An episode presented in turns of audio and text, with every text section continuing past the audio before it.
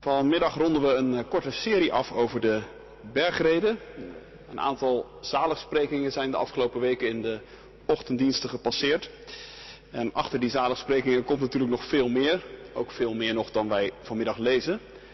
Um, we lezen de rest eigenlijk van hoofdstuk 5 uit het Matthäus-evangelie. En denken eigenlijk met elkaar na over hoe die bergreden nou gehoord wil worden. Matthäus 5 dus, vers 17 tot en met 48, horen wij het woord van God. Denk niet, zegt Jezus, dat ik gekomen ben om de wet of de profeten af te schaffen. Ik ben niet gekomen om ze af te schaffen, maar om ze tot vervulling te brengen. Ik verzeker jullie. Zolang de hemel en de aarde bestaan, blijft elke jota, elke titel in de wet van kracht, totdat alles gebeurd zal zijn. Wie dus ook maar een van de kleinste van deze geboden afschaft en aan anderen leert datzelfde te doen, zal als de kleinste worden beschouwd in het koninkrijk van de hemel.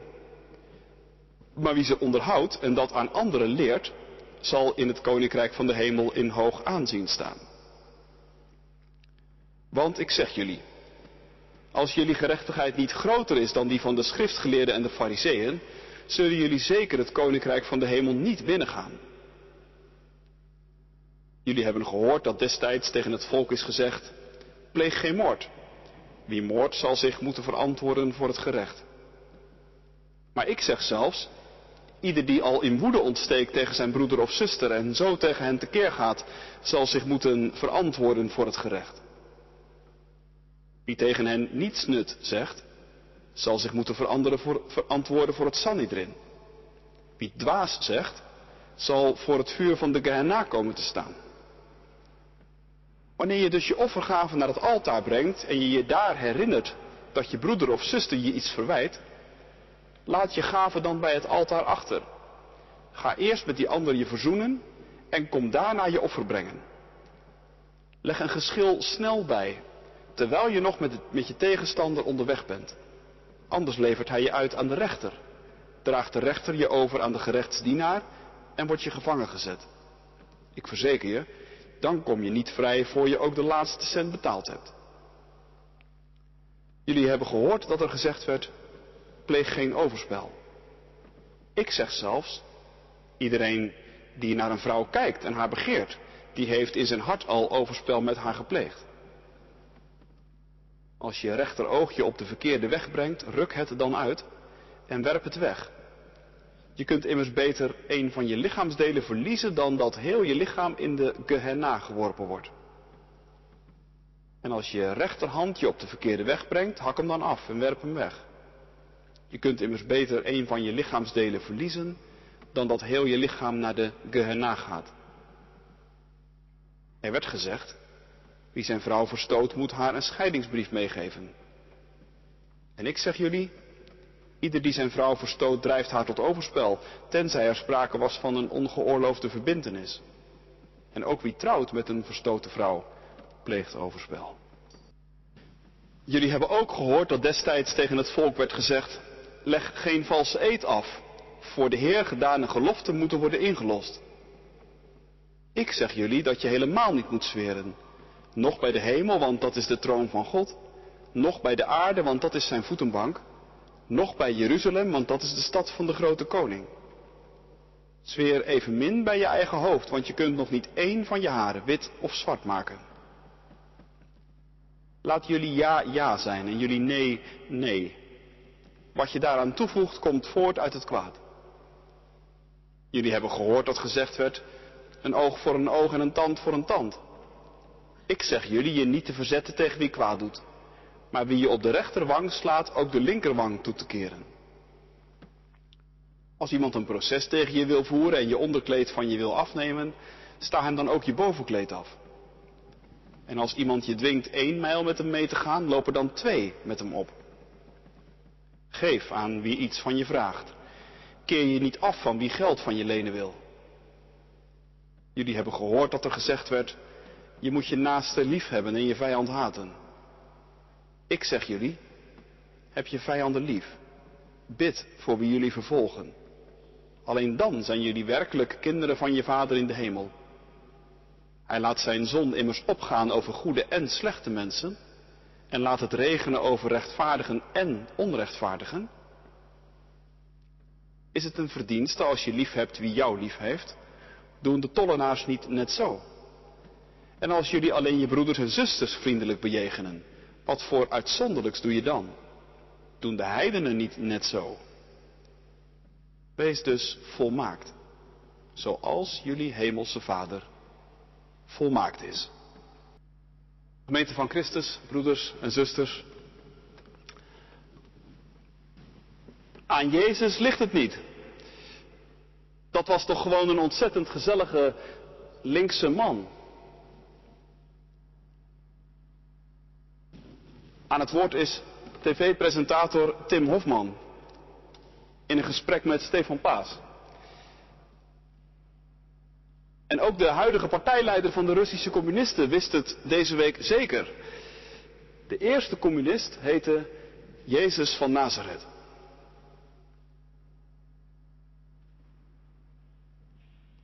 Als je op dit soort geluiden wat doorvraagt, dan wordt best vaak verwezen naar de bergreden. De beroemdste preek van Jezus, de beroemdste preek aller tijden, denk ik. Die zou volstaan met linkse gedachten en overtuigingen. Neem bijvoorbeeld die zaligsprekingen die de afgelopen week hier in de kerk langskwamen. De armen van geest. De vredestichters. En vaak, vaak wordt de Jezus van de bergreden vervolgens wat afgezet tegen die andere dingen. Die voor heel veel mensen toch ook alles met Jezus te maken hebben. Het kruis en de opstanding. Nee, dank je, zeggen mensen dan. Dat hoort voor mij wat meer bij de Jezus van de kerk. Dat is zo streng en somber. Ik ga voor de Jezus van de bergreden.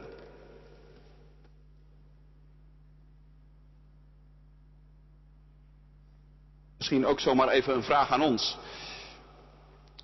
Hoe is dat voor jou? Is Jezus onlosmakelijk verbonden met kruis en opstanding? Of heb je meer met de Jezus van de bergreden? Of, dat zou natuurlijk ook nog kunnen, is dat misschien een heel misleidende en valse tegenstelling? En kun je die twee helemaal niet uit elkaar halen?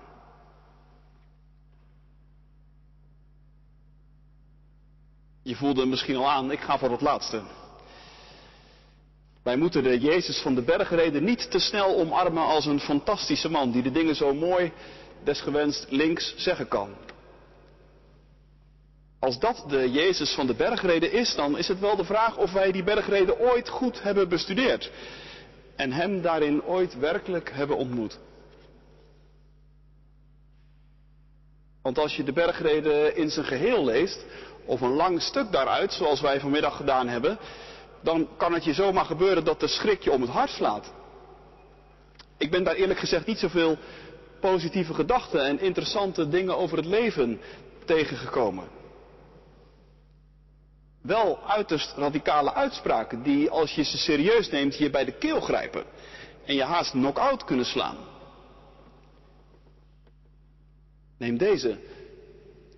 Jullie hebben gehoord dat er gezegd is: pleeg geen overspel, maar ik zeg jullie: als je alleen al naar een vrouw kijkt om haar te begeren, dan heb je al overspel gedaan. Of deze. Jullie hebben gehoord dat er gezegd is oog om oog, tand om tand. Maar ik zeg jullie, als je op je rechterwang geslagen wordt, keer dan ook je linkerwang toe. Ik bedoel maar, dat zijn er zomaar twee. En het ligt er bepaald niet om.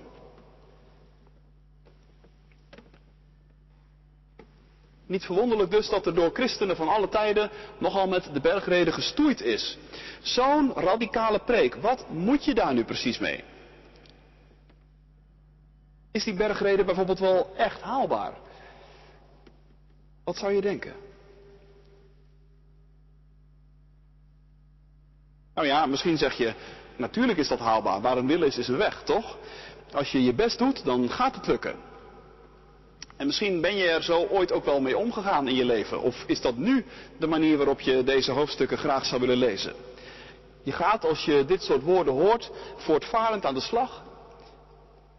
En in het begin gaat dat ook best wel. Want geen moord plegen, dat is nog wel te doen. En geen overspel plegen, dat ook wel.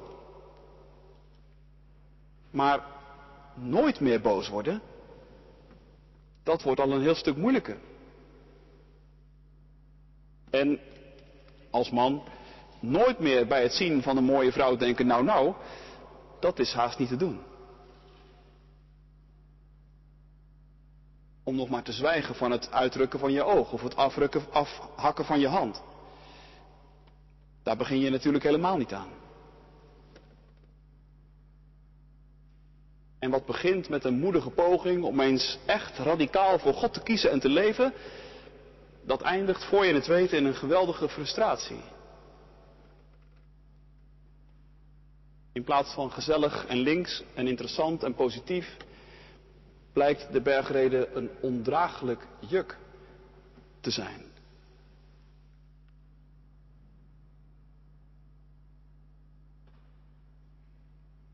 Misschien dacht je, ja, dat had ik eigenlijk al heel lang aanzien komen. En nee, natuurlijk niet. De bergreden moet je helemaal niet letterlijk nemen. Daar was ik al een poosje achter. Want dat is natuurlijk onhaalbaar. Iedereen die een beetje praktisch inzicht heeft en nuchter nadenkt, ziet dat meteen. Weet je, je moet het meer geestelijk zien.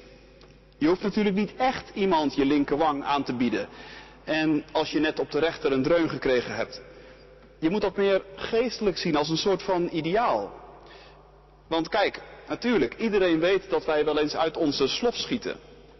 En iedereen weet ook wel dat onze ogen op straat wel eens iets langer naar iemand toegetrokken worden. Nou, als je zoiets dan merkt bij jezelf, dan op zo'n moment, dan denk je aan de bergreden. Als het ideaal. En dan weet je weer dat het in het meest ideale geval anders zou moeten. En wie weet helpt dat ook wel, als je daar maar vaak genoeg aan denkt.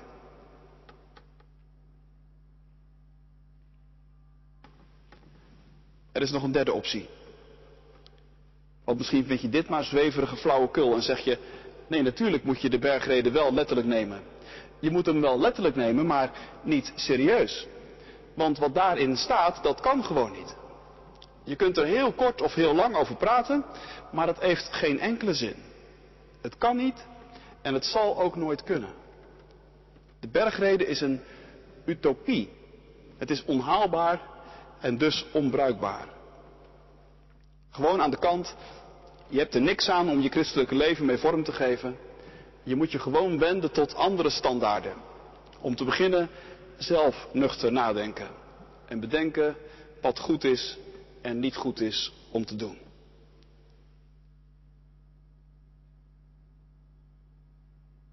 Nou ja, dat zijn dus zomaar drie verschillende manieren waarop je met de bergreden zou kunnen omgaan.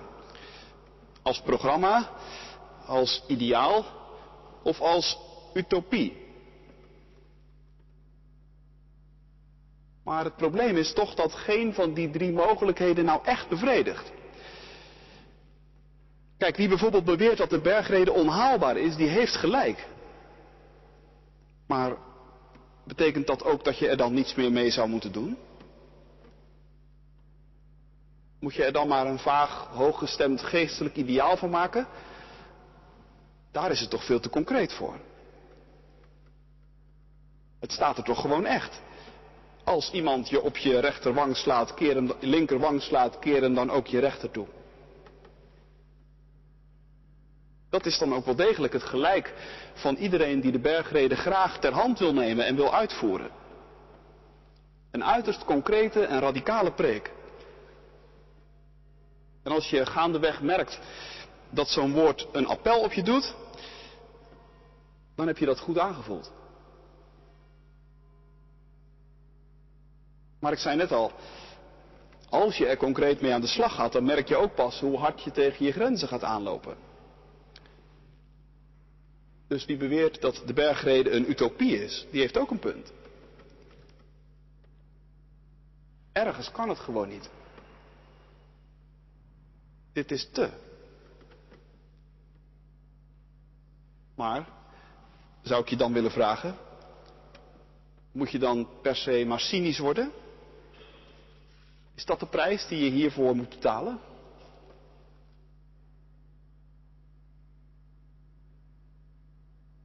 Nu ja, zeg je, maar hoe moet het dan wel? Wat wil Jezus hier nu precies mee? Welke kant wil hij met zijn bergreden op en wat wil hij doen in ons leven? Ik denk dat de sleutels om dat te begrijpen zitten aan het begin en aan het einde van het stuk dat wij vanmiddag met elkaar overdenken. Vers 17 en vers 48. Denk niet, zegt Jezus, dat ik gekomen ben om de wet of de profeten af te schaffen. Ik ben niet gekomen om ze af te schaffen, maar om ze tot vervulling te brengen. Vers 17. Dat is de eerste sleutel. En de tweede, wees volmaakt, zoals jullie hemelse Vader volmaakt is. Die twee woorden laten samen, denk ik, het slot op de bergreden vanmiddag wat openspringen.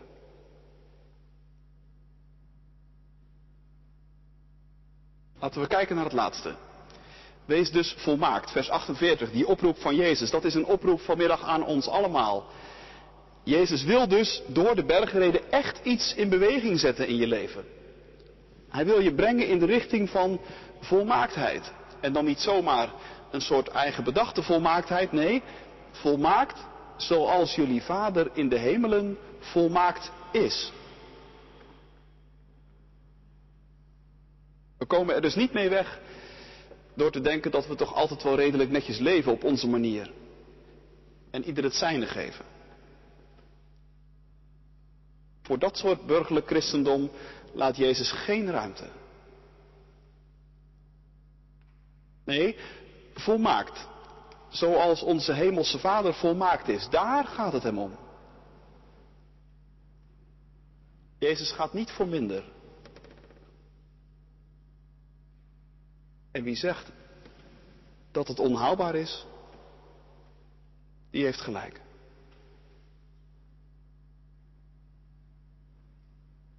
Maar wacht. Er is ook nog die andere sleutel. Vers 17.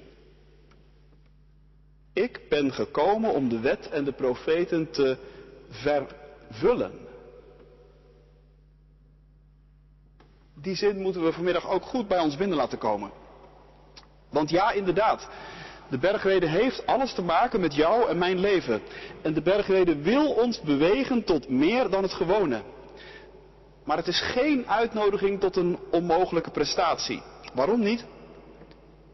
Omdat de bergrede in de eerste plaats niet over ons gaat, maar over Hem. Over Jezus. Ik ben gekomen, zegt Hij, om de wet en de profeten tot vervulling te brengen. Dat moet je eerst en vooral weten en bedenken. De bergrede gaat eerst over mij, zegt Jezus. En daarna over jou.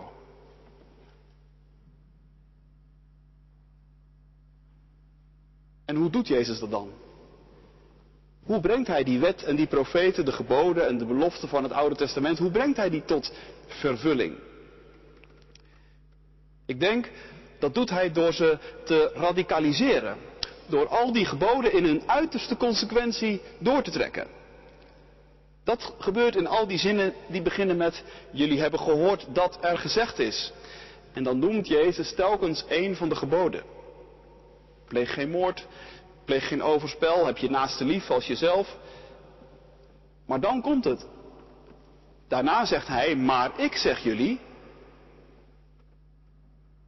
ik zeg jullie dat je niet alleen niet moet moorden, maar dat je op geen enkele manier woede in je leven moet toelaten. Ik zeg jullie dat overspel niet pas begint als je het doet, maar al wanneer je eraan denkt. Ik zeg jullie dat je niet alleen je naaste moet liefhebben, dat is namelijk helemaal niet moeilijk. Nee, ook je vijand. Ook wie jou haat. ook wie jou vervolgt.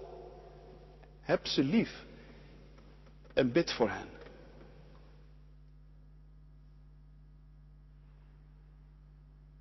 Als je die woorden op je in laat werken, dan kan er eigenlijk maar één ding gebeuren volgens mij. Dat je gaat bedenken, dit lukt dus nooit. Dit kan ik op geen enkele wijze waarmaken. En eerlijk gezegd denk ik ook dat dat Jezus' bedoeling is.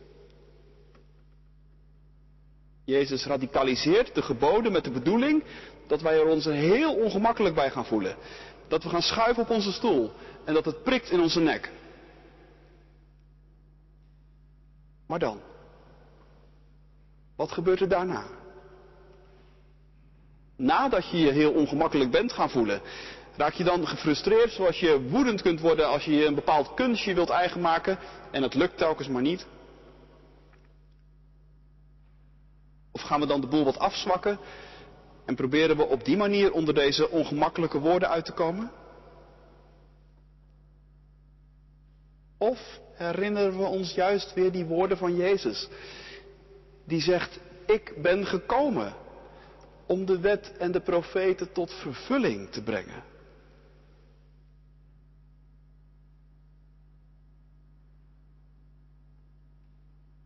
Ik denk dat dat de bedoeling is. Dat we vanmiddag tegen God zeggen, Heer, als u gekomen bent om te doen wat mij niet lukken gaat, dan blijft er voor mij nog maar één mogelijkheid over en dat is naar u toe gaan. U bent immers gekomen om de wet en de profeten tot vervulling te brengen. En die belofte van volmaaktheid, die ligt bij u. Het is iets wat ik niet zou kunnen, nooit zal kunnen. En daarom moet ik bij u zijn.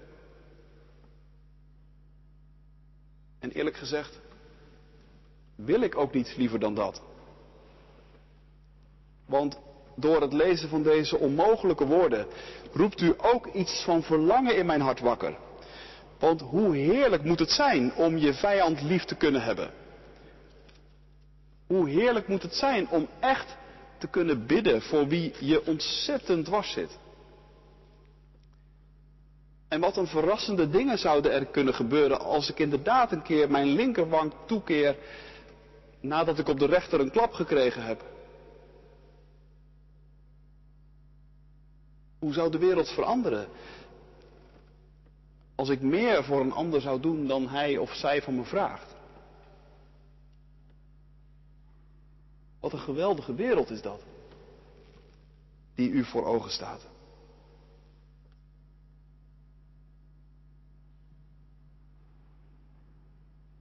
Kijk,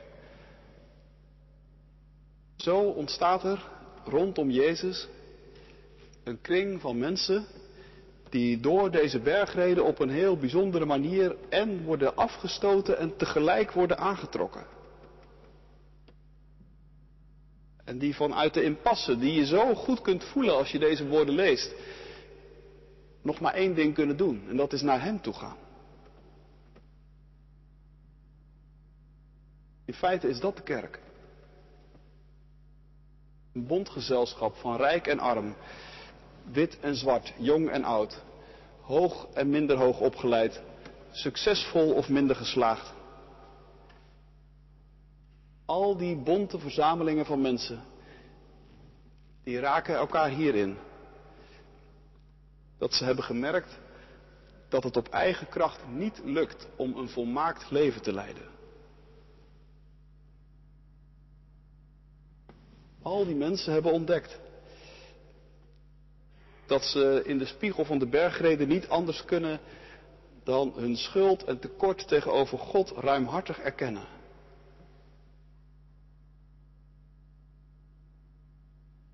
En tegelijkertijd is de kerk de gemeenschap waarin we de bergreden niet afzwakken. Niet als onhaalbaar buiten de deur zetten. Niet vergeestelijken tot een of ander ideaal. Want die wereld waarin je echt je vijand lief hebt, waarin je bidt voor wie jou vervolgt. Waarin je volmaakt bent zoals je Vader in de hemel volmaakt is. Dat moet een geweldige wereld zijn.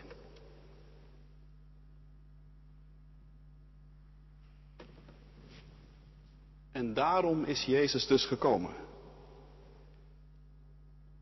Niet om dit allemaal een beetje af te zwakken, juist om dit te vervullen, te volmaken.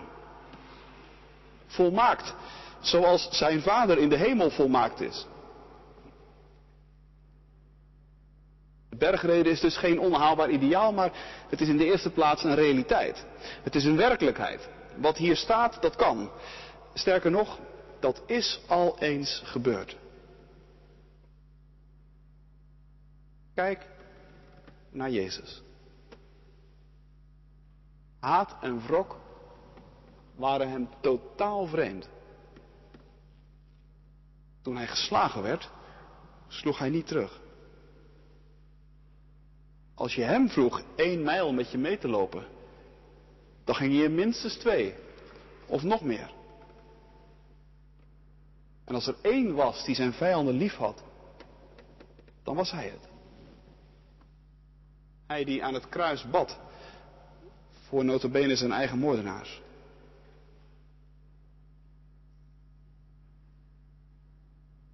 In Jezus is die bergrede dus al een realiteit. En dat wordt gek genoeg het scherpst duidelijk in de buurt van het kruis. Daarom kun je Jezus van het kruis en Jezus van de bergrede nooit uit elkaar halen. Jezus van de bergrede is niet verkrijgbaar zonder Jezus van het kruis. En Jezus van het kruis is niet te begrijpen zonder Jezus van de bergrede. Want de bergrede brengt hem aan het kruis. Bergrede is dus eindeloos veel meer dan zomaar wat wijsheid voor het leven of een positieve gedachte. Laat staan dat het een document is vol met linkse of gezellige gedachten, eh, trouwens ook niet met rechtse. Nee, de bergrede is de grondwet van het Koninkrijk der Hemelen. Een grondwet die door de maker ervan, koning Jezus, helemaal doorleefd is. Tot in de dood. En daarom moet je de bergreden eigenlijk lezen terwijl je ondertussen naar de Matthäus Passion luistert. Of naar de Passion kijkt. Want Jezus is ergens op uit. Hij wil dat jij en ik, net als Hij, volmaakt zullen zijn, zoals onze Vader in de hemel. Daarvoor is Hij gekomen. Om de wet en de profeten te vervullen. En omdat Hij gekomen is, kan het ook. Het kan. Meer doen dan het gewone. Het kan. Je vijanden liefhebben. Het kan. Vrede stichten. Het kan. Een tandje extra. Een stapje meer voor Christus en voor je naaste. Nee, niet dat het makkelijk is. Maar niet bij voorbaat zeggen dat het niet kan. Dan onderschat je de kracht van onze koning. Hij die gekomen is om de wet en de profeten te vervullen. Wij mogen vanuit zijn kracht leven. En in die kracht ook staan. En dan gebeuren er rondom hem ook echt onverwachte dingen. Dan gebeurt er rondom hem meer dan het gewone. Alleen in afhankelijkheid van hem. En in alle voorlopigheid trouwens ook. Zoals de catechismus heel nuchter zegt. Dat wij in dit leven niet meer dan een klein begin van nieuwe gehoorzaamheid leren. Maar dat kleine begin is genoeg om de smaak te pakken te krijgen. En om te blijven verlangen naar het koninkrijk van God.